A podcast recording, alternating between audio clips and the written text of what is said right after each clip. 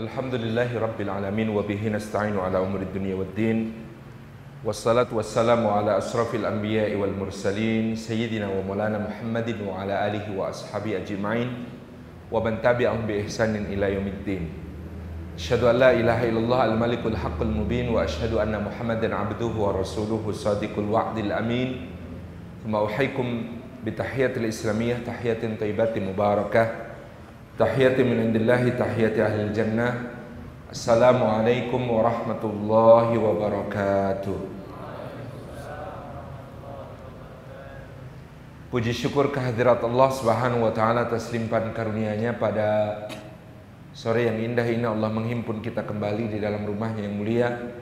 Mudah-mudahan setiap langkah yang kita tempuh menuju ke tempat ini tiap tapaknya menggugurkan dosa-dosa kita. Meninggikan derajat kita di sisi Allah subhanahu wa ta'ala dan menjadi pemudah jalan kita semua menuju ke surga. Dan duduk kita semua semoga termasuk taman di antara taman-taman surga sebagaimana sabda Nabi sallallahu alaihi wasallam, "Majtama qaumun fi baitin min buyutillah yatluna kitabullah wa yatadarasunahu bainahum illa ghasyathum rahmah wa haffathumul malaikah wa nazalat alaihimus sakinah wa dzakarahumullahu fi man indah." Rawahu Muslim. Eh, sahih tidak berhimpun satu kaum di satu rumah di antara rumah-rumah Allah di dalamnya mereka membaca kitab Allah dan mengkajinya di antara mereka melainkan keadaan mereka itu dicurah-curahi rahmat Allah dinaungi sayap-sayap malaikat diturunkan sakinah dan disebut-sebut nama mereka dengan bangga oleh Allah Subhanahu wa taala pada makhluk-makhluk mulia yang ada di sisinya. Dan duduk kita semua karena ingin menyebut-nyebut nama kekasih Allah Muhammad sallallahu alaihi wasallam juga untuk membaca salawat setiap kali nama itu disebut. Dan mudah-mudahan dengan demikian kita juga bersemangat untuk mengamalkan sunnah-sunnah dan keteladanannya dalam kehidupan kita hingga kita kelak beruntung untuk mendapatkan sambutan beliau di Al-Haud diberi minum oleh beliau dari telaga Al-Kautsar dinaungi panji-panjinya di yaumil mahsyar dan mendapatkan syafaatnya hingga mendampinginya di Firdausil A'la. Ikhwan dan akhwat yang dimuliakan oleh Allah Subhanahu wa taala, kita memasuki tema berikutnya yaitu keadaan jazirah Arab dan bangsa Arab sebelum kedatangan Nabi sallallahu alaihi wa alihi wasallam. Kata Arab pada makna asalnya adalah kosong. Jadi kata Arab itu artinya salah satunya adalah khal kosong, sepi. Penamaan demikian karena keadaan jazirah Arab pada masa itu yang tidak banyak dihuni oleh manusia. Peradaban-peradaban besar tumbuh di daerah-daerah sungai yang dialiri sungai-sungai besar di dunia. Kita tahu ada peradaban Sungai Nil di Mesir, ada peradaban Sungai Efrat dan Tigris di Mesopotamia di Irak sekarang. Ada peradaban Sungai Indus dan Gangga di India. Ada peradaban Sungai Huang dan Sungai Yangtze di Cina. Kemudian baru peradaban terbentuk di tepi-tepi lautan. Nah, maka daerah Jazirah Arab ini adalah daerah yang kosong karena pada saat itu dia berada dalam keadaan kering, tandus dan gersang. Tapi pernah tumbuh pula sebelum itu barangkali di Jazirah Arab peradaban-peradaban yang juga merupakan peradaban yang besar. Maka para muarikh menjelaskan bangsa Arab meliputi tiga kelompok besar. Yang pertama disebut sebagai orang Arab Ba'idah. Yang kedua disebut orang Arab Aribah yang ketiga disebut orang Arab musta'ribah. Yang pertama mereka disebut sebagai Arab ba'idah karena mereka sudah punah. Bangsa Arab yang sudah punah ini di antaranya adalah kaum Ad dan kaum Samud. Di mana letak peradaban kaum Ad itu di sekarang daerah yang disebut negeri Yaman. Jadi di selatan ini ada kaum yang disebut sebagai kaum Ad, umatnya Nabi Hud alaihi salam. Daerah mereka disebut sebagai Al-Ahqaf. Ada bukit-bukit pasir yang tinggi di Yaman daerah di sebelah barat Hadramaut. Di Yaman ini ada yang disebut sebagai Ahqaf dan di situlah dahulu bertempat tinggal kaumnya Nabi Hud alaihi salam yaitu kaum Ad.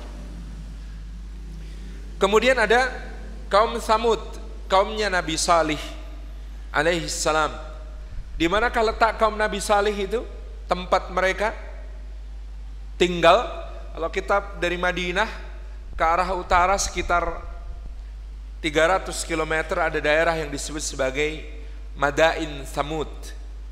Memang inilah letak dari kota-kota peradaban tua yang dulu dibangun oleh kaum Samud, kaumnya Nabi Salih alaihi salam. Di situ kita masih bisa menemukan reruntuhan-reruntuhan besar dan bukit-bukit batu yang dipahat.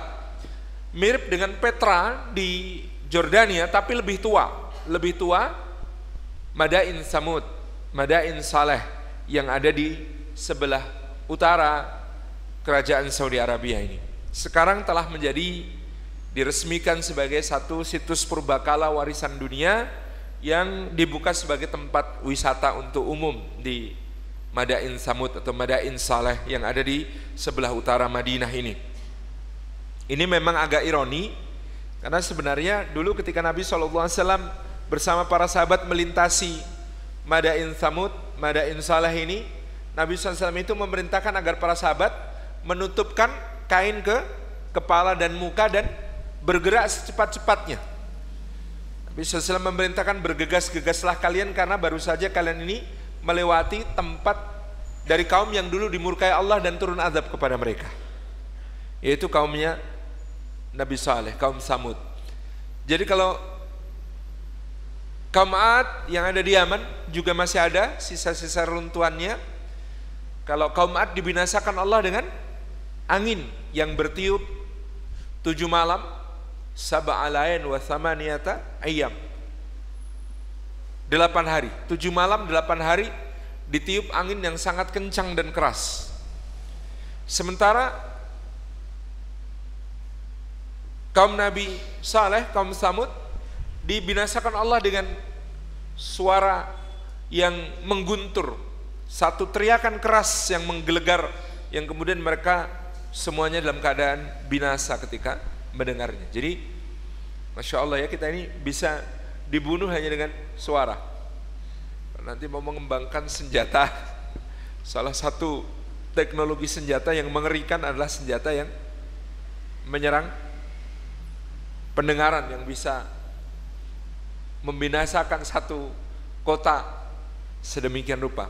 Ini secara teori sangat memungkinkan. Jadi pada batas frekuensi tertentu sebuah suara itu bisa membunuh.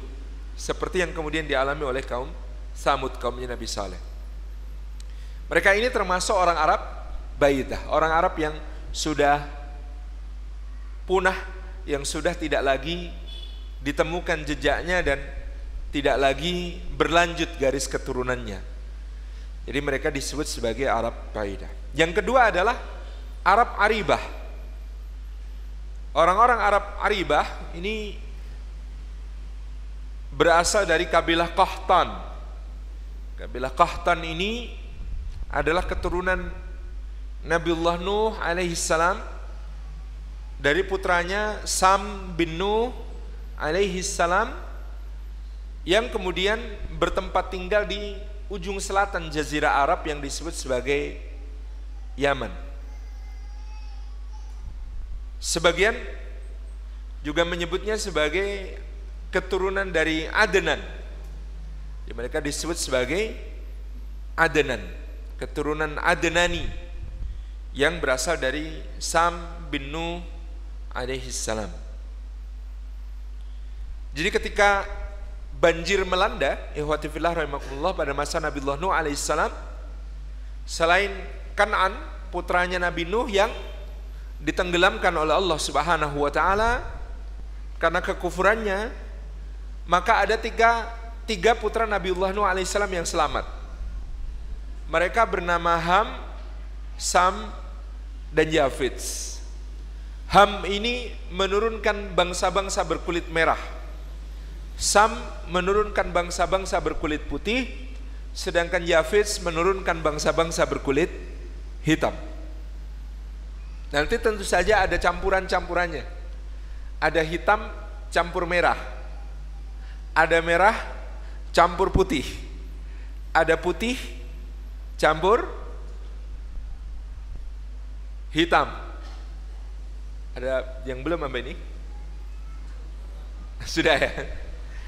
Jadi bangsa berkulit putih itu keturunannya Sam bin Nuh alaihissalam. Ada bangsa berkulit merah disebut mereka al-Atrak. Orang-orang subkultur Turki di seluruh dunia itu disebut pada mulanya berkulit merah. Tapi jangan merujuk kepada Turki yang sudah tinggal di Turki. Tapi kalau antum melihat yang disebut al-Atrak itu ya bahasa-bahasa Turki yang tinggal di stepa yang membentang dari eh, Uighur sekarang maka disebut sebagai East Turkistan. Jadi Uighur di Cina itu disebut sebagai Turkistan Timur. Eh, mereka kulitnya kemerah-merahan sampai kemudian ke stepa-stepa di Rusia Selatan, Uzbekistan, Tajikistan gitu ya, Turkmenistan, Kazakhstan. Ini daerah-daerah yang kemudian disebut daerahnya orang Atrak, orang-orang Turki. Kulitnya merah, mungkin orang-orang Indian di Amerika termasuk ya karena kulitnya merah. Kemudian ada yang berkulit hitam. Keturunannya Yafits bin Nuh alaihissalam. Ini berada di kita kenal benua dengan disebut sebagai benua Afrika meskipun kalau menurut teori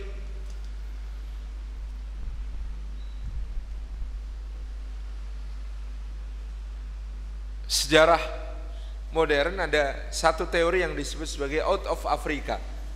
Menurut teori out of Africa, manusia modern pertama itu adanya di Afrika baru kemudian keluar dan bermigrasi menyebar ke seluruh penjuru dunia dengan pigmen kulit mereka yang menyesuaikan diri terhadap lingkungan. Yang pergi ke kutub ya, karena nggak pernah kena panas selama-lama memutih gitu. Yang kena sinar mataharinya lembut-lembut ya akhirnya menjadi orang yang kulitnya dari hitam berubah menjadi memerah gitu.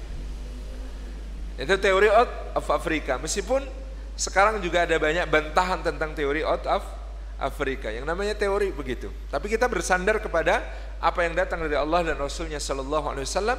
Kita meyakini yang demikian. Dan seorang ulama yang kemudian mengatakan kalau anak-anaknya Nuh itu menurunkan bangsa-bangsa yang berbeda warna kulit kalau begitu warna kulit antara Adam sampai Nuh alaihissalam seperti apa? Warna kulit antara Adam sampai Nuh alaihissalam itu seperti apa? Coba antum campurkan putih, merah, hitam jadi satu. Kira-kira yang keluar warna apa? Pigmen ya, bukan apa namanya? Uh, bukan race, tapi pigmen. Antum tahu bedanya ya? CMYK sama RGB. Nah, kalau RGB itu red green blue itu pada dunia yang dibicarakan adalah rays sinar. Red green blue, warna utama pada pembiasan sinar itu red green blue. Warna lainnya campuran dari tiga warna itu. Tapi kalau warna utama pada pigmen itu CMYK. Kobalt, magenta, yellow, kebalik ya, C-nya cian, K-nya yang kobalt ya. Jadi cian, magenta, yellow, kobalt. Gitu. Jadi cian, magenta, yellow, kobalt dicampur kira-kira keluar warna apa? Pigmen ya, hitam, putih, merah. Kira-kira kalau dicampur warna keluarnya warna? Warna kulit antum itu. Sawo matang.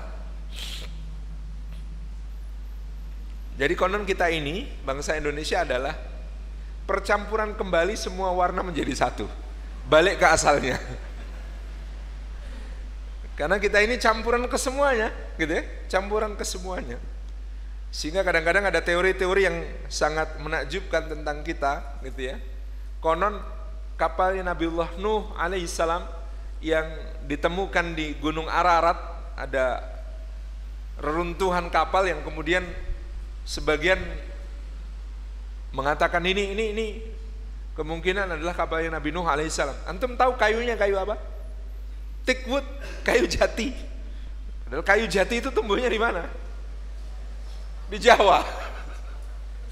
Jadi di Blora, Bojonegoro, Ngawi sampai Gunung Kidul gitu.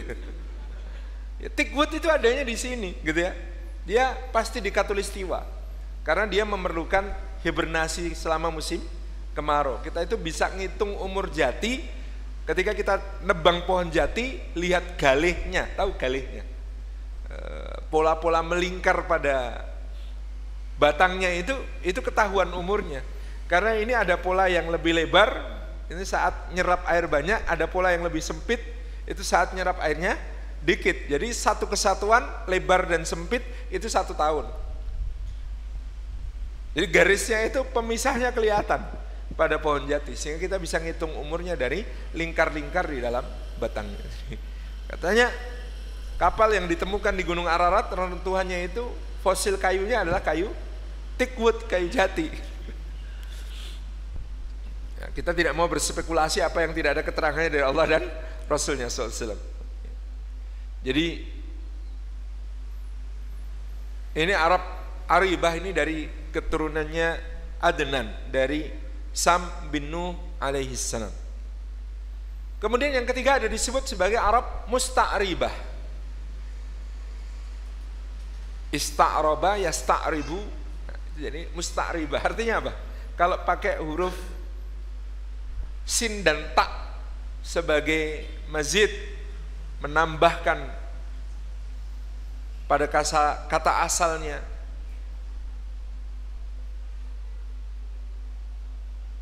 apa yang disebut sebagai musta'ribah artinya adalah yang sebenarnya tidak murni-murni benar Arab tapi dianggap sebagai Arab siapakah Arab musta'ribah ini Arab modern yang merupakan percampuran dari berbagai anasir yang lain maka mereka disebut sebagai Arab musta'ribah Arab musta'ribah tertua adalah Nabi Ismail alaihi salam jadi semua garis keturunan Ismail ke bawah ini sebenarnya mustaq ribah. Kenapa? Bapaknya Ismail namanya Ibrahim, asalnya dari mana? Dari Irak, dari Mesopotamia. Ibrahim alaihissalam itu dari Ur atau Eridu. Sementara ibunya Ismail alaihissalam dari mana? Dari Mesir, namanya Hajar. Jadi dua-duanya bukan Arab. Jadi dua-duanya ini bukan Arab. Mereka musta'ribah. Kemudian di masukkan sebagai golongan Arab modern karena dia kosmopolit dia berasal dari berbagai unsur yang lain nanti nambah ada unsur Afrika nambah ada unsur eh, apa namanya Aribah dari Yaman yang datang. Istrinya Ismail alaihissalam dari suku Jurhum. Jurhum ini dari dari Yaman. Maka Ismail yang non Arab sebenarnya karena berasal dari Ibrahim yang orang Mesopotamia dan Hajar yang orang Mesir ini bertemu dengan Jurhum yang Arab Aribah istrinya kemudian melahirkan keturunan yang nanti akan menjadi inti dari bangsa Arab yang disebut sebagai bangsa Arab Musta'ribah dengan Quraisy sebagai keturunan yang spesial yang Allah Subhanahu wa taala pilih di antara keturunan Ismail alaihissalam. Jadi ini sekilas tentang makna Arab Nah bicara tentang Arab tidak bisa lepas dari pembicaraan tentang Ka'bah. Ketika Nabi Ibrahim alaihi salam meninggikan dasar-dasar Baitullah, kita memahami bahwa Ka'bah ini hanya dibangun kembali pada masa Ibrahim alaihissalam. Ka'bah ini disebut sebagai kalbu jaziratil Arab jantungnya jazirah Arab kesemuanya. Seorang ulama dari India namanya Al-Alamah Al-Mansur Furi menulis sebuah kitab sirah judulnya Qalbu Jaziratil Arab. Jadi dia menceritakan mulai dari sejarah Makkah dan Ka'bah sejak awal. Makanya kenapa Ka'bah ini disebut sebagai Qalbu Jaziratil Arab. Ka'bah ini berarti sudah ada pada masa sebelum Ibrahim alaihissalam. Kenapa di masa Ibrahim tinggal pondasinya? Sebagian ulama menjelaskan karena Ka'bah yang bangunan awal ini terkena banjir pada masa Nuh alaihissalam sehingga runtuh. Lalu baru pada masa Ibrahim Ka'bah itu ditinggikan kembali bangunannya untuk mengagungkan Allah Subhanahu wa taala. Adapun pembangunnya yang paling awal qila annahu Adam alaihissalam ada yang mengatakan yang membangunnya pertama adalah manusia pertama yang diamanai ibadah oleh Allah di dunia yaitu Nabi Adam alaihissalam. Bahkan riwayat lain menyebut yang membangunnya adalah para malaikat untuk mengagungkan Allah sehingga kemudian selisih pembangunan antara Masjidil Haram di Makkah dengan Masjidil Aqsa di Palestina itu hanya 40 tahun karena dibangun oleh tangan yang sama yang membangun Ka'bah di Makkah dengan yang membangun Masjidil Aqsa di Palestina. Ini selisih keduanya hanya 40 tahun. Disebut Al-Aqsa karena jauh. Aqsa itu lebih jauh. Sesuatu yang lebih jauh. Al-Ab'ad. Ada yang ba'id, ada yang ab'ad.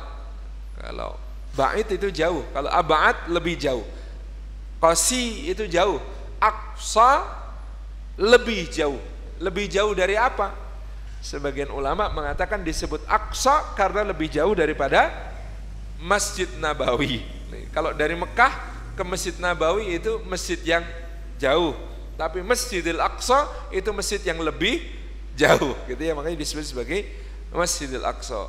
Wakila sebagian ulama mengatakan tusammal Aqsa li'annaha uksiyat di annahu uksiya minal asnam karena Masjidil Aqsa ada masa di mana Masjidil Aqsa dijauhkan dari penyembahan berhala terjaga dari penyembahan kepada berhala Masjidil Aqsa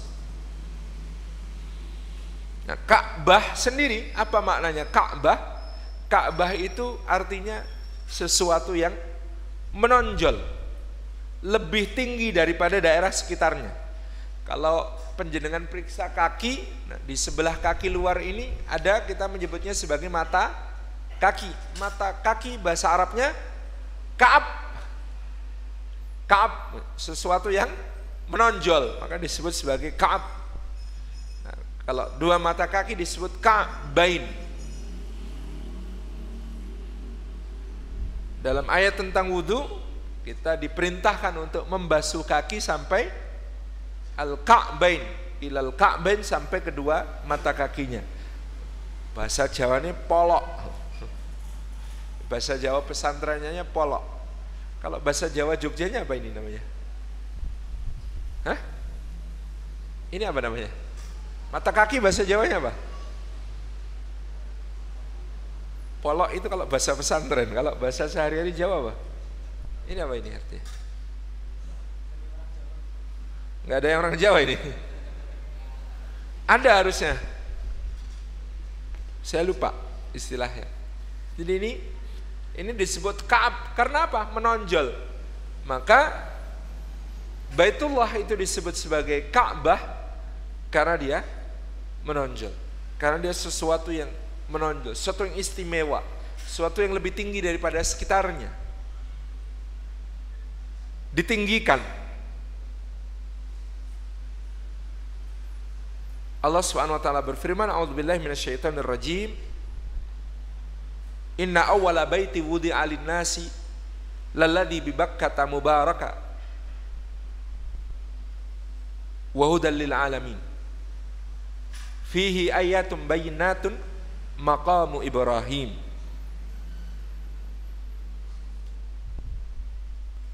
Sesungguhnya bait bangunan yang mula-mula dibangun. Bahkan Allah menggunakan kata wudhi'ah. Nah ini hujahnya sebagian ulama yang mengatakan bahwa dia dibangun oleh malaikat karena wudi'ah seperti diletakkan saja. Diletakkan di atas bumi oleh para malaikat. Linasi tapi untuk keperluan manusia beribadah. Lalladhi bibak kata adalah yang terletak di lembah yang disebut sebagai Bakkah. Lembah itu namanya Bakkah. Mubarakan yang diberkahi oleh Allah Subhanahu wa taala. Ini menurut para ulama ada perbedaan diksi yang digunakan Allah untuk Masjidil Haram dengan Masjidil Aqsa. Kalau Masjidil Haram itu mubarakan yang diberkahi. Yang diberkahi adalah Baitullahnya, Al-Haram. Tapi kalau Masjidil Aqsa, alladzi barakna haulahu yang kami berkahi sekelilingnya sampai Profesor Dr. Abdul Fattah Al-Awaisi hafizallahu taala seorang yang selama 40 tahun melakukan riset tentang Baitul Maqdis mengatakan Masjidil Aqsa itu punya circles of barakah. Ada lapis-lapis lingkaran keberkahannya Masjidil Aqsa. Lapis pertama ya Seluruh kompleks Masjidil Aqsa itu, itu tempat yang paling diberkahi. Kemudian lapis keduanya adalah kota Baitul Maqdis kesemuanya. Kota Jerusalem kesemuanya. Kemudian lapis ketiga adalah batas-batas yang ditentukan sebagai tanah sucinya Baitul Maqdis itu kira-kira meliputi negara Palestina sekarang ditambah negara Yordania. Kemudian ada lingkaran yang semakin keluar, semakin keluar. Kalau ditarik garis dari Ka'bah Masjidil Aqsa ke Ka'bah kemudian diputar sebagai jari-jari lingkaran maka circle barakahnya Masjidil Aqsa itu ya kita kita kata beliau diambil titik terluarnya adalah Ka'bah itu ya. Maka circle of barakahnya Masjidil Aqsa itu kena negara-negara seperti Mesir, Turki, Irak, Suriah, Saudi Arabia, Kuwait, Lebanon, itu ya, luas itu ya disebut sebagai circle of barakah yang ternyata secara geopolitik dibuktikan oleh Salahuddin Al-Ayyubi berat untuk menjaga Baitul Maqdis tanpa menguasai seluruh yang ada dalam circle of barakah ini. Jadi kalau kita ini mau membebaskan Masjidil Aqsa sekarang itu perlu mengokohkan daulah di Mesir, Saudi Arabia gitu ya. Kemudian ke Kuwait ke Irak, Suriah, Lebanon, Yordania, Palestina, Turki. Itu wilayah yang labutta nggak bisa enggak harus diamankan sebelum membebaskan Masjidil Aqsa. Secara geopolitik dalam sejarah ini terbukti siapa menguasai Palestina, Baitul Maqdis kok tidak sambil menguasai wilayah-wilayah ini maka tidak akan tidak akan bertahan lama gitu. tidak akan bertahan lama. Kenapa dulu kaum muslimin memangku Baitul Maqdis itu lama? Karena Daulah Umayyah lengkap penguasaannya wilayah ini. Abbasiyah lengkap wilayah ini gitu ya. Ketika kemudian dikuasai oleh Sultan-Sultan Ayubiyah itu sesekali kadang lepas kepada pasukan salib. Kenapa? Karena tidak lengkap wilayah-wilayah ini di di dalam daulah yang tunduk kepada din Islam gitu ya. Kembali kepada Al-Masjidil Haram di situ disebutkan lala di Bakkata adalah yang berada di dalam lembah Bakkah. Sebagian kemudian bertanya, kenapa disebut Bakkah dulu? Kemudian di waktu berikutnya disebut sebagai Makkah. Perubahan pelafalan dan pengucapan itu sangat mungkin terjadi sepanjang sejarahnya. Ini sebenarnya lebih sederhana. Bekah menjadi Mekkah itu makhrajnya masih satu tempat. Ba dan mem itu huruf syafatain. Ba, ma, ya kan? Huruf bibir. Maka ba menjadi mem yang lebih ringan itu wajar. Yang lebih susah itu antum bagaimana menjelaskan? Surakarta apa Solo? Yang benar yang mana? Gitu ya? Jogja apa Yogya? Kita sehari-hari menyebut Jogja karena bagi kita lebih mudah menyebut yang berat daripada yang ringan. Yogya itu lebih lebih perlu effort lebih besar untuk apa namanya bibir dan lidah kita dalam membentuk kata Y daripada kata C. C itu lebih simpel, gitu. sehingga kita mencari yang lebih simpel. Sama pada kasus Bekah, bak itu lebih berat, maka kita memilih yang ringan, Makkah. Lalu di kata mubarakan yang diberkahi oleh Allah Subhanahu wa taala udalil alamin dan menjadi penunjuk bagi alam semesta. Maka dulu pernah ada yang mengajukan satu proposal untuk mengubah sistem kalender internasionalnya itu jamnya harusnya bukan Greenwich Mean Time tetapi Makkah Mean Time. Kalau pada Greenwich Mean Time, teman-teman yang disayang oleh Allah Subhanahu wa taala, GMT itu garis balik tanggal internasional tempat perpisahan di mana itu kalau ada garisnya itu sini masih tanggal 18, sini sudah tanggal 19 gitu ya. Halo bro, tanggal berapa sih itu? 19, oh sini masih 18. Itu kan ada namanya garis tanggal internasional. Itu letaknya di Samudra Pasifik. Itu kalau kita pakai Greenwich Mean Time, itu masih ada negara yang di Kepulauan Pasifik itu harus kemudian belok. Memilih mana? Ikut sana apa ke sini? Ke sini. Oh ya udah, garisnya menggok. Tetapi kalau kita memakai Makkah Mean Time, coba nanti antum lihat globe itu tarik garis lurusnya kebalik ke Samudra Pasifik, maka kemudian itu ketemu kosong terus. Jadi garis balik internasionalnya lebih aman. Garis tanggal internasionalnya itu lebih aman. Daripada kalau kemudian kita mengikuti Greenwich Mean Time. Makkah Mean Time ini menarik karena Masya Allah ya ketika Allah mengatakan wahudalil alamin menjadi petunjuk untuk alam semesta pernah di di Ponegoro itu memasang stempel suratnya itu tidak di bawah. Kalau kita kan surat selesai di bawah baru kemudian capnya dipasang, plek gitu ya. Di stempel di bawah. Suratnya Pangeran Diponegoro untuk Jenderal de Kock itu stempelnya di tengah-tengah kertas. Jadi stempelnya dipasang dulu baru tuh suratnya ditulis. Nah, suratnya harus tulisannya menyesuaikan itu. Stempel nggak boleh ditabrak. Jadi ketika ini stempel loncat ke sebelah sini. Maka itu menjadi multi interpretasi di kalangan para pejabat dekok. Ini di Ponorogo maksudnya apa? Stempel di tengah-tengah. Stempel beliau bentuknya segi delapan, kemudian ada tulisannya Ingkang Sinuwun Kangjeng Sultan Abdul Hamid Heru Cokro Kabirul Mukminin, gitu ya.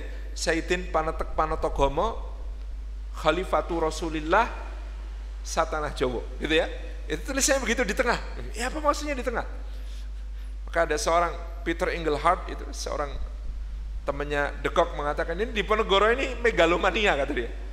Dia menganggap dirinya sebagai pusat dunia sehingga dia letakkan dirinya di di tengah-tengah suratnya stempelnya seakan-akan dia tidak menjangkau seluruh dunia ke dalam dirinya. Tafsirnya begitu berarti. Begitu Dekok tanya langsung kepada Diponegoro apa jawabnya? Diponegoro mengatakan karena kota Mekah kotanya Nabi adalah pusat dunia maka saya letakkan stempel saya di tengah-tengah surat karena salah satu cita-cita saya, hati saya, hati saya sudah berada di Mekah, di kotanya Nabi. Gitu. Kan keren ya, Masya Allah. Jadi menurut Diponegoro, Mekah itu di tengah dunia. Mekah itu di tengah-tengah dunia. Wahu dalil alamin. Dari ayat, dia menjadi petunjuk untuk alam semesta. Jadi konon kalau dari satelit-satelit NASA di foto bumi ini, gitu ya, dengan filter apa pun untuk membuat permukaan bumi itu gelap sehingga di fotonya tampak citra gelap begitu. Ada satu titik yang tidak pernah gelap. Mekah al-Mukarramah. Enggak bisa digelapkan pakai filter apa pun. Di foto-foto itu. Jadi Masya Allah Tabarak Rahman Allah mengatakan wahudalil alamin. Walillahi ala nasi hijjil bait. Maka Allah Subhanahu wa taala memiliki hak untuk dikunjungi. Kita menjadi tamu bagi Allah, berhaji ke Baitullah. Man istata'a ilaihi sabila, siapa pun yang kemudian mampu untuk menempuh jalan ke sana.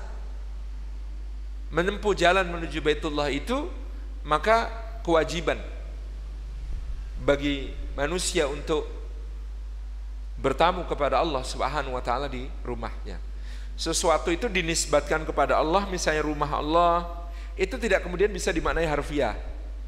Kalau disebut rumah Allah, sesuatu itu dinisbatkan kepada Allah, maknanya dalam bahasa Arab gitu, lil ihtiram untuk memberikan pemuliaan kepada yang dinisbatkan itu.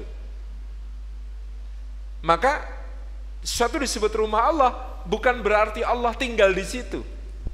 Tetapi itu adalah sebuah rumah yang dimuliakan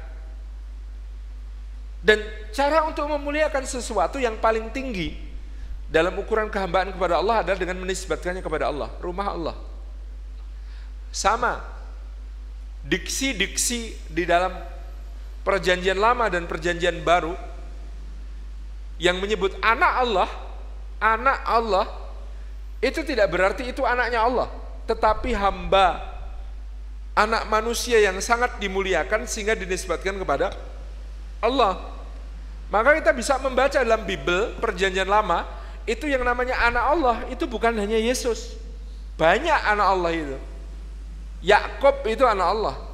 Yehuda itu anak Allah, gitu ya. Sulaiman itu anak Allah. Jadi ada banyak sekali anak Allah.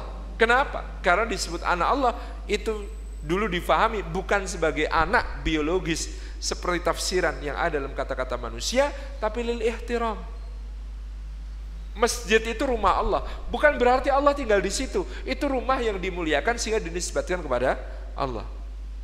Para hamalatul Quran, para pemikul penghafal Al-Quran yang mengamalkan Al-Quran disebut sebagai ahlullah, keluarganya Allah. Ya, antum hafidnya mas, berarti keluarganya Allah ya? Antum mertuanya apa menantunya? Gitu. Enggak boleh ditanyakan begitu karena makna keluarga Allah di situ bukan berarti ada hubungan kekerabatan. Sanak famili apalagi hubungan darah dengan Allah. Tetapi maknanya adalah keluarga manusia yang dimuliakan dengan dinisbatkan kepada Allah subhanahu wa ta'ala. Apalagi istilah yang dinisbatkan kepada Allah. Rumah Allah, anak Allah, keluarga Allah. Hah? Hizbullah, tentaranya Allah. Itu bukan berarti, wow, Gusti Allah perlu tentara kayak kamu. Ya enggak, memang Allah itu enggak memerlukan apa pun dari alam semesta ini. Tapi kenapa sesuatu dinisbatkan kepada Allah, Hizbullah gitu ya. Kemudian Sabi, dulu kita ada tentara namanya Sabilullah gitu ya. Jundullah, tentara Allah, prajuritnya Allah. Ini semuanya adalah dalam rangka memuliakan. Pada kondisi-kondisi tertentu gitu ya. Penyebutan sesuatu disebutkan kepada Allah itu harus sangat kontekstual. Contoh, pada masa pemerintahan Sayyidina Muawiyah bin Abi Sufyan, beliau menyebut harta Baitul Mal sebagai malullah, hartanya Allah. Para sahabat nggak setuju itu disebut harta Allah karena itu akan me membuat kabur pertanggungjawabannya. Kalau pertanggungjawaban kepada Allah gimana caranya? Susah. Maka para sahabat waktu itu mengusulkan jangan diberi nama malullah tetapi malul muslimin. Jangan diberi nama harta Allah tapi kasih nama saja harta kaum muslimin. Disebut harta kaum muslimin itu bisa diaudit kalau harta Allah gimana mau ngaudit itu? Auditornya gemeteran duluan, nggak berani masuk ngaudit hartanya Allah, nggak bisa. Tapi ketika disebut sebagai malul muslimin, hartanya kaum muslimin, maka dia menjadi sesuatu yang bisa diaudit gitu ya. Karena apa? Harta kaum muslimin gitu ya. Dapatnya dari mana? Didistribusikan untuk apa? Itu bisa diaudit. Itulah harta kekhalifahan itu tidak tidak tidak sepatutnya disebut malullah harta Allah tapi disebut sebagai malul muslimin hartanya kaum muslimin. Ini fikihnya para sahabat, masya Allah. Ini tidak serta merta apa-apa dikit-dikit kita nisbatkan kepada Allah. Kalau itu bisa menjadi sumber atau celah untuk melakukan penyimpangan. Itu kalau disebut harta Allah nanti penguasa, apa kamu mau mengadit? Ini hartanya Allah kok mau diaudit? Terus dia gunakan untuk hal-hal yang menyimpang, maka akan menjadi satu masalah. Sementara kalau disebut sebagai malul muslimin, dia menjadi objek audit yang yang layak. Wa man kafara fa innallaha ghaniyun hamid. Barang siapa yang kemudian ghaniyun 'anil alamin. Barang siapa yang kemudian mengingkari kewajiban haji maka Allah itu maha kaya, tidak membutuhkan dari alam semesta apa pun juga. Jangan mengira kalau Allah memanggil untuk berhaji, Allah memanggil untuk datang ke rumahnya, Allah memanggil untuk melaksanakan manasik, itu berarti Allah perlu kepada kita. Enggak, jangan kegeeran, Allah itu maha kaya, ghani, maha cukup, maha tidak memerlukan kepada alam semesta. Jadi kata ghani itu tidak cuma kaya. Kita sering menerjemahkannya sebagai kaya. Kata ghani itu maknanya kaya dan tidak memerlukan. Ada orang kaya tapi masih perlu. Kita menyebutnya, oh itu orang kaya. Tapi nyatanya tetap kerja. Tetap ngambil gaji. Tetap kemudian kalau ada pemberian diterima gitu ya. Allah kayaknya nggak kayak yang begitu, gitu ya. Katanya kaya, tapi dividen nggak dibayar masih awal. Bukan. Kalau ghani dalam bahasa Arab itu bukan cuma kaya, tetapi tidak perlu kepada yang lain. Tidak memerlukan apa-apa lagi dari yang lain. Itu yang disebut sebagai kaya. Kaya yang beneran begitu. Tidak perlu kepada yang lain. Jadi kita kalau kalau cuma diterjemahkan kaya, Al-Ghani yang maha kaya, saya khawatirnya antum bayangannya kayak orang kaya, masih perlu sebenarnya. Enggak, Allah itu Ghani. Ghani itu bukan cuma kaya, kaya dan sekaligus tidak memerlukan apa pun dari selain dirinya. Bukan bukan untuk itu, tetapi Allah menghendaki agar kita menempuh jalan yang sukar, yang berat, yang mahal, Bayangkan naik haji sebelum tahun 57, 58 masih naik kapal. Tiga bulan berangkat, tiga bulan pulang, total enam bulan. Itu sudah kapal modern. Pada tahun 1780-an di masa Sultan Hamengkubuwono I itu diceritakan kalau naik haji itu berangkat tahun ini ikut musim haji tahun depan pulang pada tahun berikutnya berarti tiga tahun PP karena kapalnya harus nunggu angin jadi nggak bisa selesai haji ayo pulang sekarang. Nggak ada Pak yang pulang sekarang kapalnya anginnya masih bertiup ke barat jadi kapalnya nggak bisa berlayar ke timur gitu terus kapan ini ada available ada tiket kapan?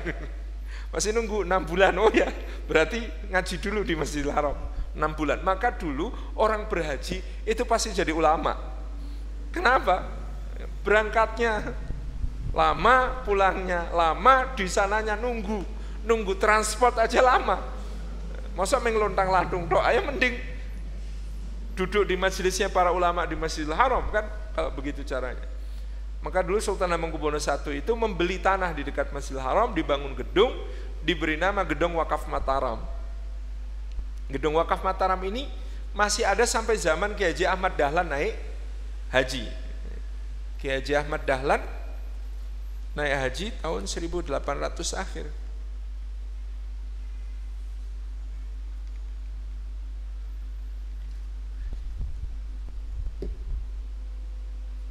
Karena Kiai Ahmad Dahlan masih tinggal di gedung wakaf Mataram ketika kemudian beliau bermukim di bermukim di Makkah. Nah, yang kacau memang setelah revolusi Arab, gitu ya. Syarif Hussein terusir dari Makkah dan kemudian ada huru hara di seluruh jazirah Arab, pemberontakan kepada Turki Utsmani pada masa Perang Dunia Pertama sampai kemudian kerajaan Saudi Arabia berdiri, nah, sepertinya arsipnya ketelingsut sehingga tidak bisa diurus. gedung wakaf Mataram itu. Padahal kalau masih ada arsipnya, masya Allah. Kayak Raja Patisa Husiwa dari Maluku itu cuma punya satu kios dulu di Makkah, tempat kecil. Ketika perluasan Raja Abdullah kemarin, proyek Raja Abdullah, itu keturunannya Raja Patisa Husiwa dari Maluku itu ada 3000 orang.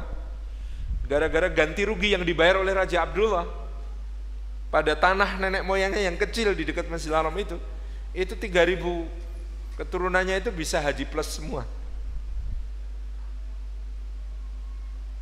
Bisa dibayangkan ya. 3000 orang haji plus semua.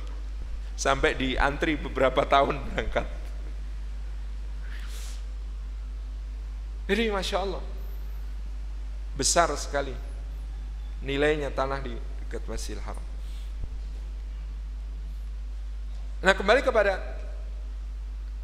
Sejarah Ka'bah Iwatifillah Maka Ka'bah dibangun oleh Ibrahim alaihissalam Dalam bentuk yang besar, lebih besar daripada yang kita lihat sekarang. Seperti apa bangunan di masa Nabiullah Ibrahim alaihissalam? Kira-kira, iwafillah, apa yang kita sebut sebagai makam Ibrahim sekarang dan apa yang kita sebut sebagai Hijri Ismail itu adalah bagian dalam dari Ka'bah di zaman Nabi Ibrahim alaihissalam. Karena sudut-sudut di Hijri Ismail itu tidak diketahui dengan pasti sehingga Hijri Ismail ini dibuat melengkung. Kenapa dibuat melengkung? Karena pojoknya ragu-ragu, sebelah sini apa sebelah sini, gitu. Sehingga kemudian dia dibuat, dibuat secara melengkung. Tapi karena ayatnya menyebutkan fihi ayatum uh, ayatum bayyinatum maqamu Ibrahim, di dalamnya terdapat tanda-tanda kebesaran Allah Subhanahu wa taala yaitu makam tempat berdirinya Ibrahim alaihissalam ketika membangun Ka'bah. Itu dulu bangunnya dari dalam. Ibrahimnya berdiri di makam, makam itu bukan makam tetapi tempat berdiri Ibrahim itu di dalam. Disebut Hijri Ismail di situ Ismail kecil bantuin bapaknya bawa batu-batu di taruh di situ. Gitu ya. Besar Ka'bahnya.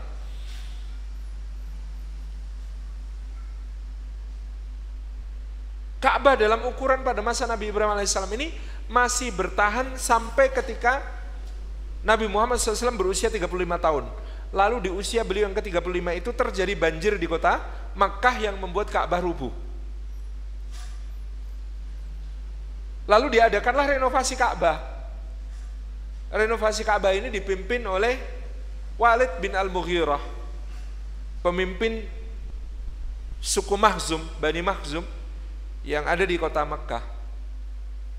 Dia memimpin pembangunan kembali Ka'bah, lalu dia berkata, Ka'bah ini tidak boleh dibangun kecuali dengan harta yang paling suci yang kalian miliki.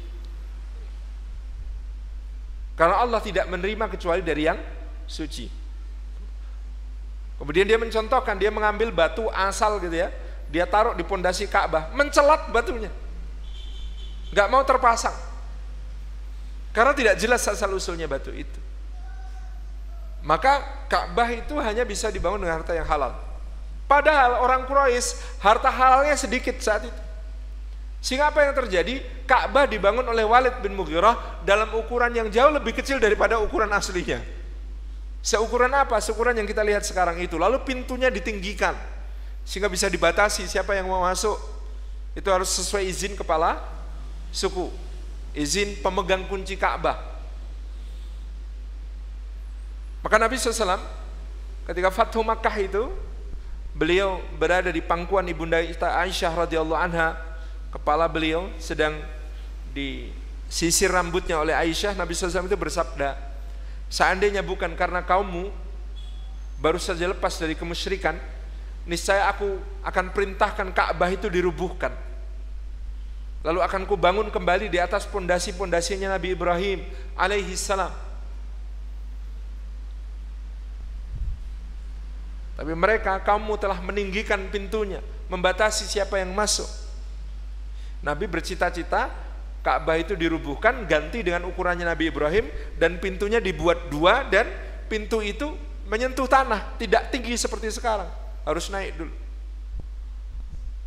Nah, hadis ini oleh Aisyah diriwayatkan kepada murid-muridnya. Salah satu yang mendengar riwayat dari Aisyah ini adalah putra angkat Aisyah, keponakan beliau, putra Zubair dan Asma binti Abi Bakar, namanya Abdullah bin Zubair. Abdullah bin Zubair meriwayatkan dari ibunya, dari Rasulullah SAW, gitu ya, dari Aisyah dari Rasulullah SAW tentang ukuran Ka'bah yang sebenarnya yang dibangun Rasulullah. Maka ketika Abdullah bin Zubair jadi khalifah, kapan itu? Beliau jadi khalifah ketika Muawiyah bin Abu Sufyan di Damaskus mengangkat Yazid putranya, maka Abdullah bin Zubair mengatakan Yazid adalah orang terakhir yang berhak menjadi khalifah di antara semua kaum muslimin. Kalau semua kaum muslimin sudah habis, baru dia berhak jadi khalifah. Ini pendapatnya Abdullah bin Zubair. Maka dia tidak mau berbaiat kepada Yazid bin Muawiyah di Damaskus. Dia kemudian memproklamasikan diri sebagai khalifah dan pada waktu itu wilayah kekuasaannya meliputi seluruh jazirah Arab, Yaman sampai eh, apa namanya eh, sebagian Irak. Sementara sebagian besar Irak Syam dan juga Mesir ada di bawah kekuasaan Yazid. Jadi waktu itu ada khalifah double. Nah, tapi Abdullah bin Zubair kan menguasai Makkah. Kemudian apa yang beliau lakukan? Ka'bah dirubuhkan, beliau bangun kembali sesuai ukuran yang ditunjukkan Rasulullah yaitu di atas pondasinya Nabi Ibrahim. Ka'bahnya gede. Ketika Abdul Malik bin Marwan menjadi khalifah Bani Umayyah, Abdul Malik bin Marwan ini mertua sekaligus pamannya Umar bin Abdul Aziz. Abdul Malik bin Umar mengatakan khalifah kok ada dua, ini menyalahi ketentuan syariat. Siapa yang bisa, gitu ya, kata dia, kata Abdul Malik bin Umar, menjadikan umat ini bersatu kembali di bawah kepemimpinanku, maka akan kuberikan kepadanya kekuasaan yang besar. Siapa yang maju? Namanya Al-Hajjat bin Yusuf As-Saqafi, gubernur Irak. Dia mengatakan, wahai Amirul Mukminin, percayakan kepada saya, saya akan mempersatukan kembali kaum muslimin di bawah satu kepemimpinan. Lalu dia menyerbu Mekah. Dia memimpin pasukan besar menyerbu Mekah pada saat itu bahkan dia menyerang Mekah dengan manjanik dengan meriam-meriam batu sehingga kemudian Ka'bah yang dibangun Abdullah bin Zubair juga turut hancur. Kemudian Abdullah bin Zubair ini dibunuh dan digantung oleh Al-Hajjaj untuk mengakhiri dualisme kepemimpinan. Jadi Al-Hajjat ini oleh para ulama disifati dengan kekejaman yang luar biasa, tapi dia seorang faqih, seorang alim. Kesalahan dia hanya salah menafsiri ayat ati Allah wa ati'u ar-rasul wa ulil amri minkum. Menurut dia taat pada ulil amri itu juga mutlak. Sehingga ulil amri itu hanya boleh satu, tidak boleh dua. Khalifah kalau dua, ini namanya kaum muslimin berpecah belah, yang satu harus dibunuh. Maka dari itulah dia membunuh Abdullah bin Zubair dan sepanjang karirnya dia membunuh kira-kira 120 ribu orang kaum muslimin belum termasuk 80 ribu orang yang mati di penjaranya. Semuanya karena tuduhan subversif. Semuanya karena tuduhan mau memberontak. Ini termasuk bahkan ulama-ulama besar ada Said bin Jubair gitu ya. Ini dibunuh oleh Al-Hajjat bin Yusuf. Nanti Al-Hajjat bin Yusuf ini Ketika meninggal lucu kalimatnya. Kata dia, "Ya Allah, mereka berprasangka buruk kepadamu ya Allah, mengira bahwa kau tidak akan mengampuniku. Adapun aku selalu berprasangka baik kepadamu ya Allah, karena sebesar apa pun dosaku, ampunanmu lebih besar." Pede.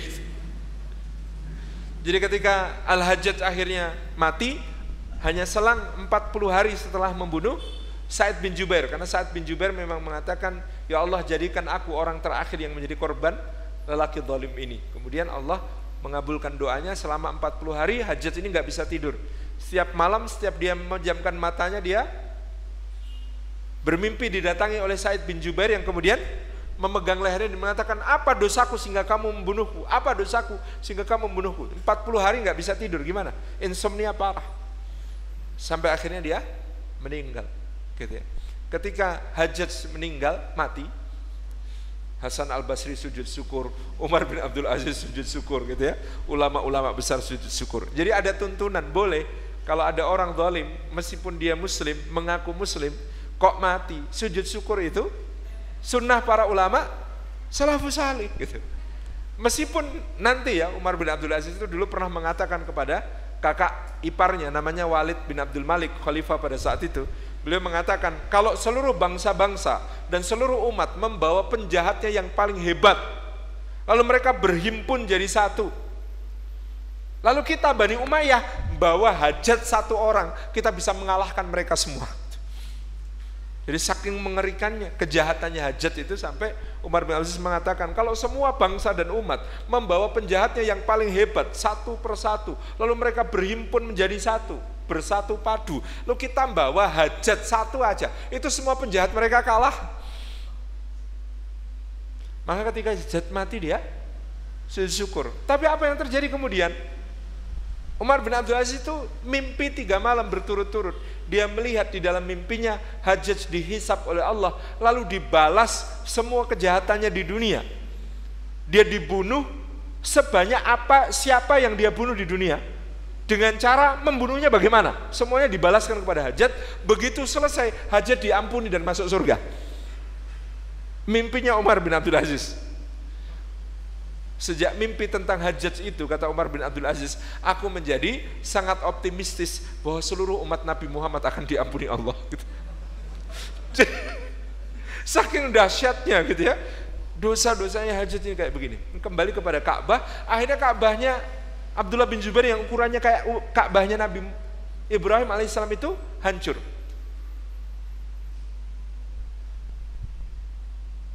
Kemudian Hajjaj membangun Ka'bah. Dia diberitahu ketika dia tanya, bid'ah besar yang dilakukan Abdullah bin Zubair adalah bikin Ka'bah yang ukurannya seperti ini. Ini bid'ah kata dia. Kata Al-Hajjaj.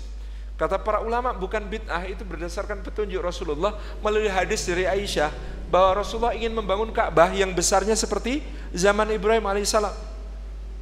Kata Hajjaj, kalaulah begitu harusnya Rasulullah sudah melakukannya dulu. Nyatanya Rasulullah tidak melakukan, maka itu bid'ah.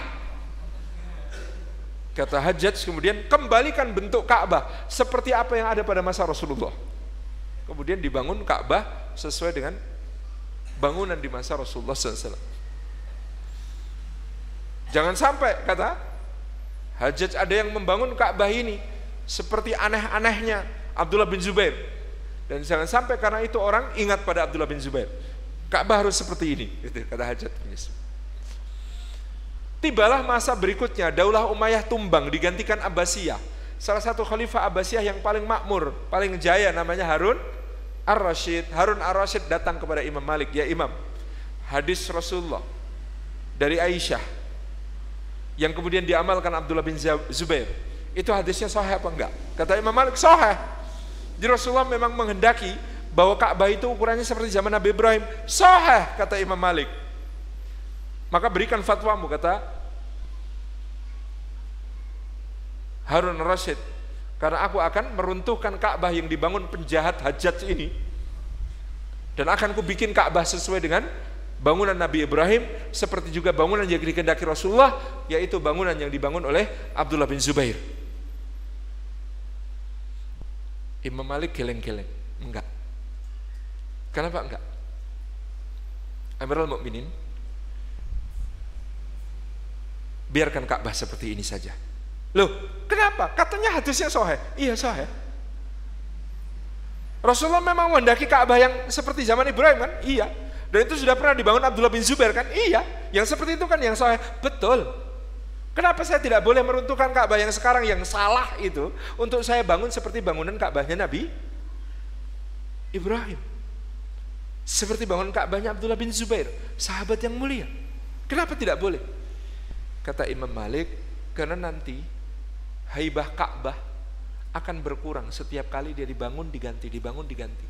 Anda pikir kekuasaan Anda dan anak-anak Anda akan langgeng? Tidak. Satu saat nanti pasti akan ada yang mengalahkan Anda dan anak-anak Anda. Lalu karena mereka tidak menginginkan Ka'bah seperti Ka'bahnya Harun Ar-Rasyid lalu mereka akan bikin Ka'bah baru dengan ukuran beda lagi Lalu sudah itu ada yang akan mengalahkan mereka lagi, penguasa yang akan mengalahkan mereka lagi. Lalu kemudian mereka ingin bikin Ka'bah yang beda lagi dengan penguasa sebelumnya, supaya dikenang sebagai orang yang membangun Ka'bah. Tidak, demi Allah. Kalau saya mengizinkan Anda memberi fatwa boleh kepada Anda untuk meruntuhkan Ka'bah dan membangunnya kembali sesuai dengan keinginan Anda, maka itu akan terus terjadi sampai hari kiamat. Lalu orang kehilangan hormat pada Baitullah. Maka kata Imam Malik, biarkan seperti ini wahai Amirul Mukminin. Kata Harun Rasyid, salah loh. Gak apa-apa salah. Jadi Ka'bah yang sekarang ini dalam tanda kutip Ka'bah yang salah. Dibangun di atas apa? Dasar yang dibangun oleh musuh Al-Quran namanya Walid bin Mughirah. Siapa yang bangun bangunan yang kita lihat sekarang namanya Al-Hajjat bin Yusuf As-Saqafi. Jadi jangan dikira itu bangunannya Nabi Ibrahim. Itu bangunnya Al-Hajjat bin Yusuf As-Saqafi. Mudah-mudahan itu amal jariahnya dia. Ya nolong dia. Ya, kenapa kita tidak boleh mengubahnya? Fatwa Imam Malik tadi. Maka di sini dalam soal din ini para ulama mengatakan hakikat itu jika kemudian dikembalikan tetapi merusak yang lebih besar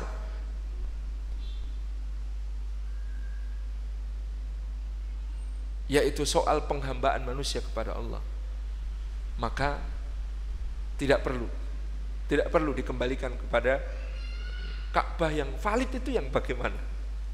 Ya memang bukan yang itu. Tapi kita ada hikmah. Dengan ukuran Ka'bah yang kita lihat sekarang ikhwan dan akhwat yang muliakan Allah kita bisa sholat ke, di dalam Ka'bah tanpa nunggu pintu Ka'bah dibuka untuk kita. Karena karena Ka'bah itu sekarang ukurannya lebih kecil daripada aslinya, maka dengan cara itulah hikmahnya kita bisa sholat di dalam Ka'bah tanpa perlu masuk ke dalam Ka'bah. Mau sholat di mana? Yang paling strategis adalah di Hijir Ismail. Maka sunnah sholat dua rakaat di Hijir Ismail.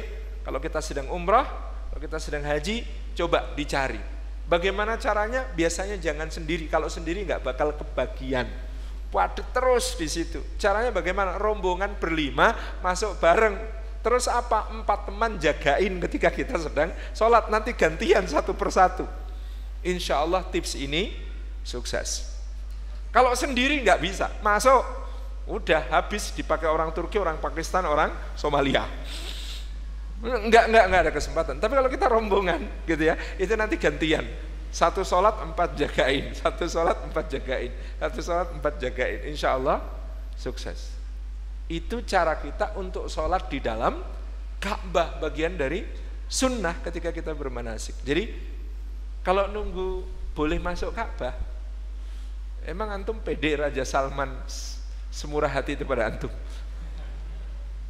Oh, kita jadi tamu, mau dibukain pintunya Ka'bah, sholat di dalamnya. Tahun kapan? Hampir nggak ada kesempatan. Biasanya pintu Ka'bah hanya dibuka untuk pemimpin-pemimpin negara atau ulama-ulama besar. Enggak, untuk yang level CPT kayak kita ini susah. Maka inilah apa namanya? Hikmahnya bahwa ukuran Ka'bah ini tidak sebagaimana mestinya. Dengan begitu kita bisa sholat di dalam Ka'bah tanpa perlu masuk ke dalamnya. Jadi watifillah rahimakumullah, Ka'bah ini sejak awal berada di tangan Nabiullah Ismail alaihi salam. Tetapi begitu Nabi Ismail alaihi salam wafat, berapa putranya Nabi Ismail? Ada 12. Putra-putra Nabi Ismail ini sama dengan bapaknya dalam sifat. Mereka orang-orang yang halim, santun. Sehingga ternyata kedudukan kepemimpinan di kota Makkah ini diambil oleh paman-paman mereka dari kalangan Jurhum sehingga kemudian orang-orang Jurhum ini paman-pamannya ini dari pihak ibunya anak-anak Nabi Ismail ini yang menguasai Ka'bah selama ribuan tahun. Sementara Anak-anak Ismail ini karena halim. Halim itu apa? Sifat apa? Santun, mudah memaafkan, ngalahan. mereka tidak menuntut kepemimpinan atas Ka'bah sehingga mereka hidup menyingkir, minggir dari sekitaran Ka'bah. Sehingga kepemimpinan kota Makkah ini ada di tangan orang-orang Jurhum yang berasal dari Yaman.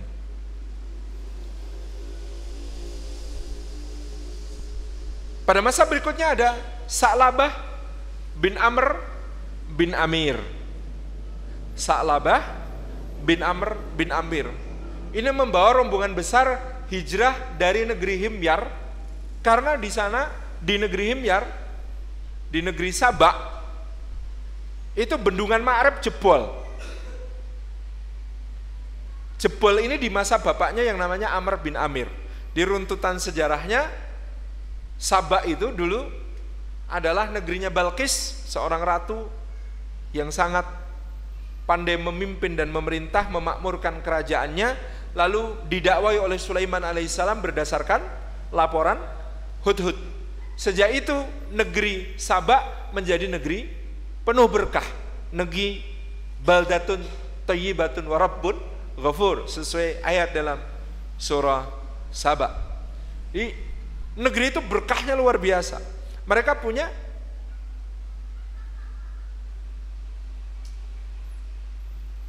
jannatin an yaminin wa shimalin. Ada kebun-kebun yang membentang di sebelah kiri bendungan dan di sebelah kanan bendungan. Konon waktu itu yang di sebelah kiri bendungan isinya biji-bijian. Gandum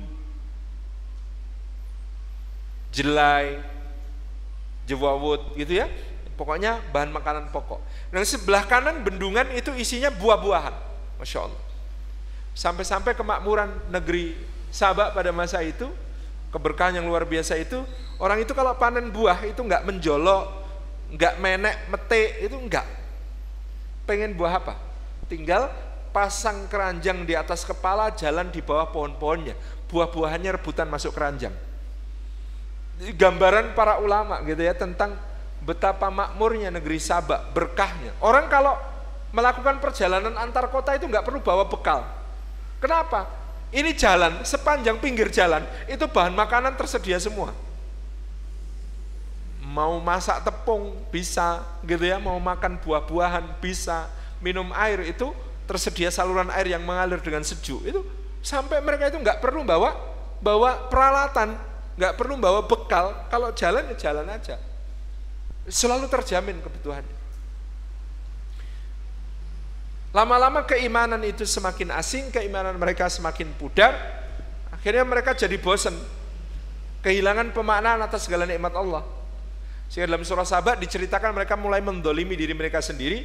Mereka kelamaan berada dalam nikmat, mereka pengen merasakan gimana caranya supaya rekoso. Orang itu kalau nikmat, terus nikmat jadi tidak terasa nikmat. Jadi mereka pengen merasakan nikmat. Gimana caranya? Mereka kemudian jadi nikmatnya ada, dicabut rasanya. Masya Allah. Jadi nikmatnya itu masih ada, tapi karena mereka tidak punya iman, dicabut rasanya. Antum bisa bayangkan, tiap hari semuanya tersedia enak, terus itu lama-lama antum merasa kurang tantangan. Nikmatnya hilang karena semua diperoleh tanpa usaha. Itu kalau tidak punya iman untuk memaknai sebagai rasa syukur, hilang nikmat itu dicabut sama Allah. Karena mereka nggak punya iman lagi. Apa doa mereka yang sangat menarik di dalam surah Sabah itu. Kata mereka begini doanya. Rabbana ba'id baina asfarina. Ya Allah, jauhkanlah jarak perjalanan kami. Mereka pengen ngerasain susah, supaya apa? Kalau dapat nikmat ada rasa nikmat lagi. Kalau nggak ada rasa susah, kita ini nikmat, ini terasa hambar lama-lama, gitu. Sehingga mereka pengen rasa susah. Gitu ya, kadang-kadang kita pengen. Kalau seharian nggak puasa, tapi ikut buka puasa bersama. Itu makan bareng di buka puasa bersama dengan yang puasa beneran rasanya beda nggak? Beda. Bayangannya kayak begitu gitu ya. Mereka merasa, oh udah nggak ada enaknya. Yang lain itu menikmati cuma air putih aja rasanya, gelek-gelek enak banget itu. Apa? Makanya doanya kaum Sabah ini, Rabbana ba'id baina asfarina. Ya Allah, jauhkan jarak perjalanan kami. Ini kalau deket-deket begini, fasilitas semua tersedia begini, ini nggak ada enaknya ini. Enak itu kalau haus, lapar, bener, susah di perjalanan, capek, kemudian di sana dapat ya nyaman. Itu baru baru enak. Itu. Akhirnya apa? Lama kelamaan semakin ingkar, semakin ingkar kaum ini dolim kepada dirinya sendiri. Akhirnya ada tanda-tanda bendungan Ma'rib ini mau jebol. Ada seorang pemimpin namanya Amr bin Amir ini bapaknya Sa'labah bin Amr bin Amir ini. Ini. Dia mimpi bahwa bendungan ini digerogoti tikus. Tikusnya segede manusia. Kalau di Indonesia ditangkap KPK. Digrogoti tikus, tikusnya segede manusia. Soal, wah ini sudah mau ambrol ini dia sudah punya firasat. Maka akhirnya dia bilang kepada anak-anaknya, kita mau ngungsi. Kita jual semua barang kita. Nah, dia tawarkan kebun-kebunnya dijual, rumah-rumahnya dijual, gudang-gudangnya dijual, diobrak. Untuk apa? Bekal untuk pergi. Orang-orang tahu ini harganya masih tinggi nih. Caranya supaya harganya rendah. Ada, mereka memprovokasi anak-anaknya. Anak-anaknya Amr bin Amir ini kemudian dibisikin sama orang-orang. Nanti kalau dipanggil bapakmu, bantah ya. Kalau dimarahi balas, kalau ditampar balas tampar. Anak-anaknya ini kena kemakan hasutan orang-orang. Dipanggil, manggil balik.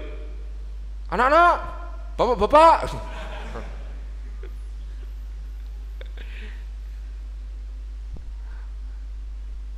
Dibentak balas bentak.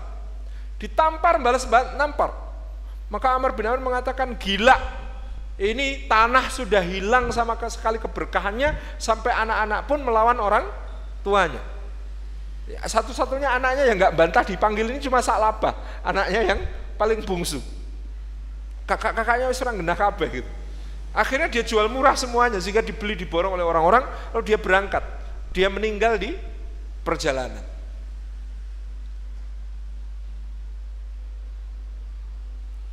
Kemudian digantikan oleh Salabah bin Amir dia memimpin kaumnya keluarganya ini untuk menuju ke Makkah sampailah mereka di Makkah kemudian dia minta izin kepada Jurhum untuk tinggal di dekat Ka'bah. Sama Jurhum tidak dibolehkan. No way. Ini wilayah kekuasaan kami. Marah Salabah bin Amir ini ya Salabah bin Amr bin Amir ini maka kemudian terjadi peperangan antara Jurhum melawan kabilah Amr bin Amir. Perang ini dimenangkan oleh kabilah Amr bin Amir sehingga Jurhum terusir keluar.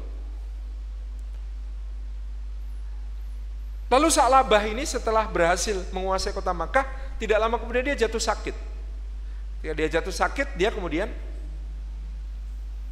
minta untuk dikirim ke negeri Syam untuk berobat. Kepemimpinan kota Makkah kemudian diserahkan kepada keponakannya namanya Rabi'ah bin Uzza bin Amr bin Amir. Nah, Rabi'ah ini kemudian digelari oleh orang-orang sebagai Khuza'ah. Kata Khuza'ah ini karena dia mendongkel seluruh suku Jurhum dari sekitar Makkah sehingga daerah Makkah ini menjadi kekuasaannya sendiri. Maka dia disebut sebagai Khuza'ah. Nah kemudian selama 500 tahun Makkah berada di bawah kekuasaan Khuza'ah. Di bawah kekuasaan Khuza'ah inilah terjadi penyimpangan yang paling besar dalam sejarah Makkah. Yaitu dimulainya agama berhala oleh seorang pemimpin suku Khuza'ah yang bernama Amr bin Luhai al-Khuzai. Ini adalah salah satu keturunan dari Rabi'ah alias Khuza'ah. Jadi pada masa Jurhum ribuan tahun memimpin itu sebenarnya di Makkah juga sudah banyak penyimpangan tetapi bukan penyimpangan akidah. Paling kemaksiatan dan satu kemaksiatan yang paling parah terjadi di Makkah pada masa Jurhum itu ada yang berzina di dalam Ka'bah. Namanya Isaf dan Nialah.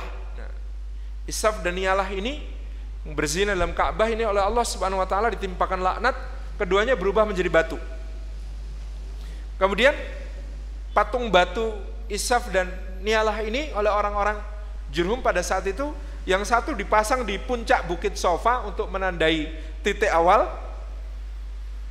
sa'i, yang satu ditempatkan di Marwah untuk menandai titik akhir sa'i. Jadi karena sudah ada syariat sa'i pada masa itu. Yang ironis adalah nanti pada masa Jurhum dikalahkan oleh Khuza'ah Al-Khuza'ah berkuasa, Amr bin Luhai Al-Khuzai bikin agama berhala, kok ya ada yang kemudian di antara bangsa Arab akhirnya menjadi penyembahnya berhala Isaf dan Yalah. Dua orang yang mendapatkan laknat Allah dapat laknat untuk maksud saya nanti agamanya Amr bin Luhai Al-Khuzai itu masih masuk akal. Masih masuk akalnya yang dijadikan berhala. Itu orang-orang yang dulu orang soleh. Lata. Lata itu siapa? Lata itu dulu seorang yang terkenal dermawan. Kalau datang jamaah haji, dia sembelihkan unta, dia jamu dengan makanan yang banyak, dia bagi-bagikan pakaian, dia bagikan bekal perjalanan, dia sediakan tempat menginap. Gitu ya. Ini Lata. Nah, begitu Lata mati, gitu ya, karena dia dianggap orang soleh, yang banyak berjasa bagi Ka'bah, dibikinkah patungnya di Ka'bah, lalu patung itu disembah. Maksud saya kalau ini kan masih masuk akal. Meskipun ini kesyirikan yang tidak terampunkan, tapi masih masuk akalnya adalah yang disembah ini dulu orang baik gitu. Lah yang Isaf dan Nialah ini. Wong jelas-jelas mereka kena laknat Allah karena melakukan kemaksiatan besar di dalam Ka'bah lalu dipasang patungnya di puncak Bukit Safa dan Marwah kok ya ada suku yang kemudian error untuk menyembah mereka Kata bangsa Arab itu likuli sakit lakit. Setiap yang jatuh itu pasti ada yang memungutnya. Jadi antum itu kalau mau bikin agama pasti ada penganutnya. Mau bikin agama sesesat apa pun itu pasti punya pengikut. Karena likuli sakit lakit. Setiap yang jatuh itu pasti ada yang mungut gitu. Masih berapa menit? Hah? Lima. Jadi ini yang terjadi sekilas tentang Ka'bah di masa itu yang kemudian kepemimpinan itu beralih kepada suku yang disebut sebagai Khuza'ah. Nah, Amr bin Luhai al-Khuzai ini sebagai penutup kita sampaikan Amr bin Luhai al-Khuzai ini kemudian terkenal pada zamannya orang paling dermawan dalam tanda kutip menurut tarikh itu di seluruh muka bumi. Kok bisa? Setiap musim haji, Amr bin Luhai rata-rata setiap musim haji menyembelih 10 ribu unta untuk menjamu tamu-tamu Ka'bah. Antum bisa bayangkan, nyembelih 10 ribu unta dari miliknya. Kemudian dia membagi-bagikan, gitu ya, itu 100 ribu potong pakaian untuk semua tamu Ka'bah. Kenapa? Dulu orang itu tawaf telanjang Kenapa? Syaratnya baju yang dipakai untuk tawaf pada masa jahiliyah itu bajunya belum pernah dipakai untuk melakukan dosa. Susah nyari baju begitu. Harus baju baru kan? Padahal setiap kali musim haji harga baju di Mekah melonjak berlipat-lipat kali.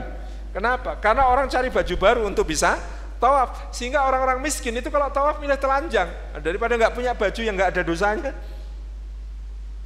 Nyari baju yang nggak ada dosanya itu mahal harganya. Maka mereka milih tawaf telanjang pada malam hari tawafnya. Nah, kepada mereka ini, Amr bin Luha al ini bagi-bagikan baju. Dia sekali bagikan baju satu musim haji itu 100 ribu potong pakaian. Tiap hari selain masak daging onta untuk menjamu, dia juga bikin hais. Hais itu kurma direndam sampai lumat, dicampur dengan adonan tepung jenang gitu ya, kemudian dimasukkan kismis, minyak samin, susu, gitu ya, ditambahkan boleh ditambahkan yogurt dan lain sebagainya gitu ya, pokoknya enak gitu. Itu untuk membagi-bagi, untuk menjamu semua orang yang berhaji. Amr bin Luhauza ini akhirnya setengah dewa, jadi manusia setengah dewa. Karena semua orang menghormatinya begitu luar biasa, dia dianggap sebagai simbol. Kalau saja ada wahyu turun mungkin dia dianggap sebagai nabi gitu ya. Karena saking hebatnya dia dalam melayani melayani orang-orang yang datang ke Ka'bah. Tapi memang inilah bahayanya hati. Hati kalau niatnya ingin memang ingin hanya mendapat kemasyuran dan kemakmuran, maka Allah mudah sekali menyimpangkan dia. Dia lalu satu saat melakukan satu trip ke Jerusalem, satu trip ke negeri Syam, pasca masa Nabi Sulaiman alaihissalam. It means apa yang terjadi di Palestina pada saat itu, pasca Sulaiman, Bani Israel sudah mulai menyembah berhala, mengagungkan tukang sihir, belajar berbagai macam magic gitu ya. Akhirnya apa yang terjadi? Amr bin Luhai berkesimpulan, loh, sini ini negeri Syam loh. Dulu di sini tempat para nabi. Nyatanya di sini nyembah berhala. Berarti yang benar itu agama itu yang kayak begini gitu. Kata dia kesimpulannya agama itu yang benar yang kayak begini. Maka dia membawa pulang satu berhala dari negeri Syam, namanya Hubal. Jadi kalau Hubal itu berhala impor dari negeri Syam, tapi yang paling tua disembah di Ka'bah. Loh, setan itu kalau kemudian melihat ada orang potensi menyimpangnya besar, itu langsung memberi wahyu. Tiga malam berturut-turut, Amr bin Luhai al-Khuzai itu mimpi ditunjukkan letak berhala-berhalanya kaum Nabi Nuh. Kemudian dia melakukan penggalian arkeologis di situ. Dia gali, ketemu benar ada Wad, Suwa, Yahud, Ya'uk, Nasr. Ada lima berhala. Itu pula kemudian diperintahkan angkut ke Mekah. Jadi dia pasang hubal di tempat yang paling tinggi dekat Ka'bah, dikelilingi oleh Wad, Suwa, Yahud, Ya'uk, Nasr. Mulai saat itulah kemudian berhala-berhala diagungkan. Lalu dia mulai nyembelih untanya bukan untuk Allah, tapi untuk berhala-berhala ini. Maka dia disebut sebagai man sayyiba as-sawaib. Dialah orang yang pertama kali mengkeramatkan unta untuk dipersembahkan kepada berhala-berhala. Subhanallah. Ini pendiri agama berhala di Makkah namanya Amr bin Luhai al-Khuzai yang dia ketika ditanya ini nanti supaya mereka bisa menjadi syafa'una, syafa'una, pemberi syafaat kita di sisi Allah. Liyuqarribuna ilallahi zulfa untuk mendekatkan kita kepada Allah sedekat-dekatnya. Maka Nabi SAW bersabda, aku diperlihatkan jahanam, di sana ada Amr bin Luhai di dasar jahanam, dia itu nyeret-nyeret ususnya dan ususnya Amr bin Luhai al-Khuzai itu di dalam jahanam besarnya sebesar sungai-sungai di Irak. Antum bayangkan Efrat dan Tigris itu ususnya Amr bin Luhai al-Khuzai karena disiksa dalam jahanam melembung sampai sebesar Efrat dan Tigris. Nauzubillah min Kita sambung insya Allah pekan depan termasuk pertanyaan ini bertanya rekomendasi buku-buku sirah. Insya Allah nanti kita sampaikan. Jazakumullah. Assalamualaikum warahmatullahi wabarakatuh.